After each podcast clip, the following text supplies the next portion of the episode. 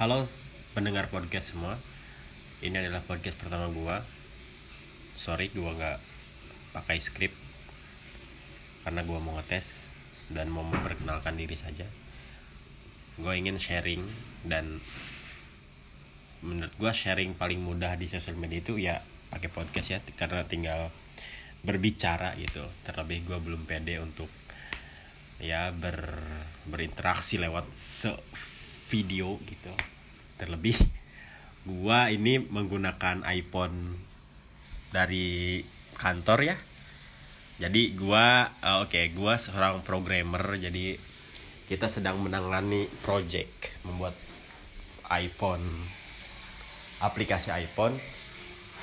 Ya gua sebelumnya gua udah ngetes gitu kan kamera dari iPhone 6 ini dan wow bagus sekali. Dan gua gue berpunya ide ini bagus banget ini iPhone buat bikin video. Tetapi ya karena bikin video butuh editing dan gitu-gitu ya skill editing gua nggak sebagus youtuber youtuber yang luar biasa itu gue coba dulu membuat uh, apa namanya membuat podcast ini. Oke. okay mungkin yang paling ada di pikiran gua adalah tentang apa ya? Apa aja sih? Uh, tentang apa ya? Gimana kalau kita membahas tentang buku? Ya buku. Ya ya oke. Okay. gua bukan bukan bukan ingin dicap apa ya sok pintar dan sebagainya. Enggak enggak enggak enggak enggak. Tapi buku. Buku adalah barang yang sangat mudah kita temukan di mana-mana.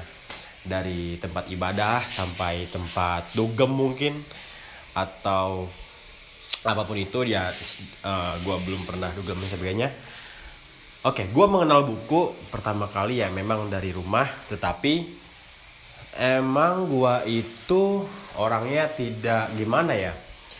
Gue suka baca tetapi gue hanya melihat uh, apa gambar-gambar dari buku-buku kakak gua waktu itu uh, gua sering buka buku PPKN-nya karena buku sejarahnya di sana ada foto-foto hitam putihnya.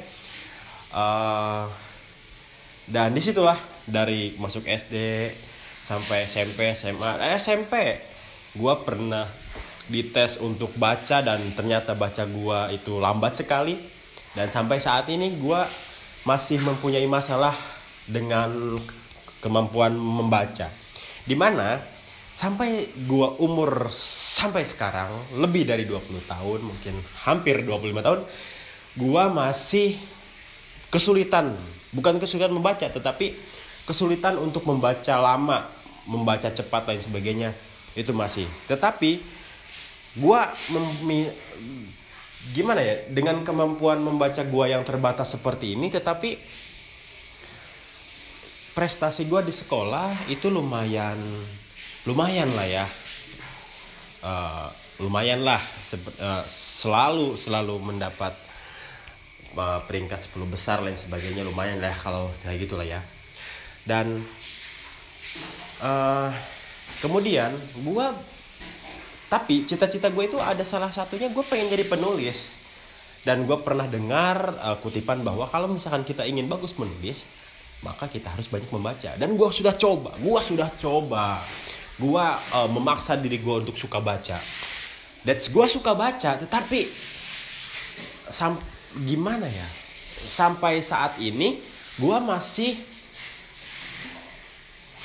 buku yang gue selesaikan itu bisa terhitung dengan jari gue gitu.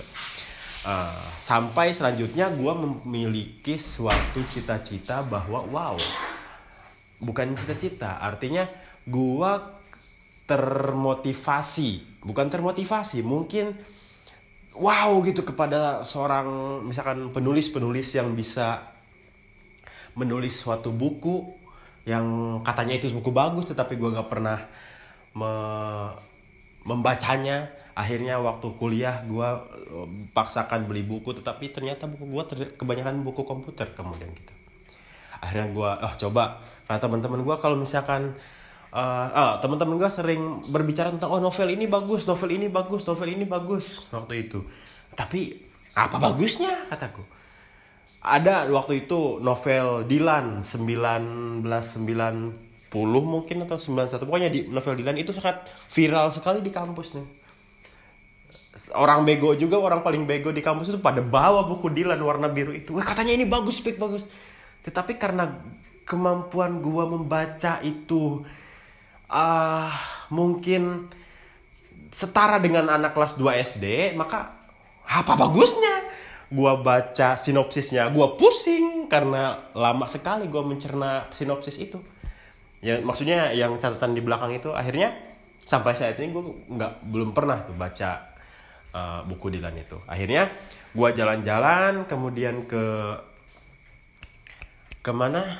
Ke Gramedia dan gue menemukan buku cerita cinta Buya Hamka kalau nggak salah. Akhirnya gue paksakan ketika itu gue sudah bekerja. Kemudian gue bacanya bukan di rumah atau di mana-mana tetapi gue paksakan membaca di angkot. Jadi gue paksakan membaca buku itu di angkot. Ya ternyata selama dua minggu selesai. Bukunya mungkin setebal buku kalau lo tahu itu dunia Sofian sebenarnya sebesar itu atau mungkin lebih kecil mungkin sekitar 300 atau 500 gue lupa halamannya. Tetapi gue bisa menyelesaikan itu loh. Ya karena mungkin bahasanya ringan dan sebagainya tetapi yang gue ingat gue tidak membaca buku itu di kosan atau di kantor tetapi benar-benar pure di angkot gue hitung-hitung ternyata uh, di ke angkot di angkot itu dari kosan sampai kantor itu gue menghabiskan waktu 15 menit.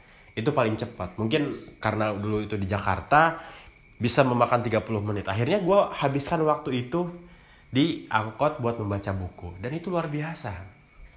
Akhirnya gue pindah ke BSD waktu itu kantornya. Kemudian ke, budaya itu hilang. Karena apa? Karena gue ngekos deket kantor. Akhirnya gue jalan gitu kan. Akhirnya apakah gue cuma bisa baca di angkot? Tapi gue nggak tahu nggak gue nggak tahu. Tetapi yang gue ingat bahwa buku cerita cinta Buya Hamka itu yang gue selesaikan. Kemudian gue uh, bertemu dengan teman seorang teman yang akhirnya menjadi istri gue sekarang dan dia luar biasa. Dia dari kecil hidup dengan buku. Pokoknya kita itu untuk kemampuan itu latar belakang itu jauh berbeda. Gue dari orang teknologi dan cara belajar gue itu selama ini adalah mendengarkan dan menonton. Tapi kalau istri gue adalah membaca. Dari situ gue terbuka wawasannya. Gue bukan berarti gue nggak hmm, tidak suka membaca. Gue sering selalu memaksakan diri gue walaupun pusing misalnya gue membaca akhirnya tiap bulan kita pasti me, gue dan istri gue selalu membeli 2 sampai tiga buku atau lebih untuk investasi diri kita agar kita terus berkembang. Gue dan istri gue uh, orang yang sangat berbeda dalam proses belajar gue. Ketika di kelas mungkin waktu itu gue bener-bener fokus mendengarkan si dosen atau guru itu mendeng uh, me ngomong apa gitu kan.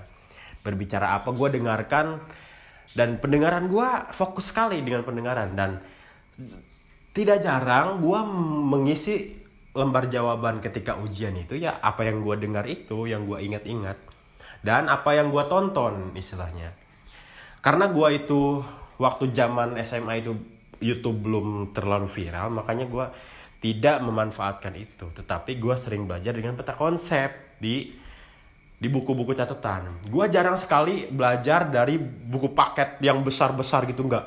Enggak. Gue memanfaatkan buku buku-buku pribadi buku-buku catatan yang banyak catatan-catatannya dari, dari situ. Tetapi ya itu worth it. Akhirnya dengan pengalaman gue sampai saat ini di mana gue uh, sukses dengan cara belajar gue mendengar dan menonton dan istri gue lebih sukses dengan cara men, me, membaca. Dia dan luar biasa dia membacanya luar biasa. Kemudian kita itu terapkan kepada adik-adik kita bahwa kalau misalkan dia tidak suka membaca bahwa ada alternatif lain untuk belajar yaitu mendengar atau menonton Tetapi membaca itu adalah bekal untuk kita belajar apa pun. Akhirnya, jujur gue menyesal sampai saat ini bahwa gue tidak memiliki kemampuan untuk membaca. Tapi gue tidak putus asa untuk belajar karena tidak ada kata terlambat untuk belajar. Terlebih kalau misalkan kalian semua yang mendengar ini memiliki keterbatasan seperti gua yang sulit sekali membaca untuk menyelesaikan buku, maka gunakanlah kemampuan kalian untuk uh, mungkin mendengar atau menonton. Nah, itu uh, podcast pertama gua. Jangan sampai kita berhenti untuk belajar, tetap merasa bodoh dan paling bodoh di dunia. Thank you.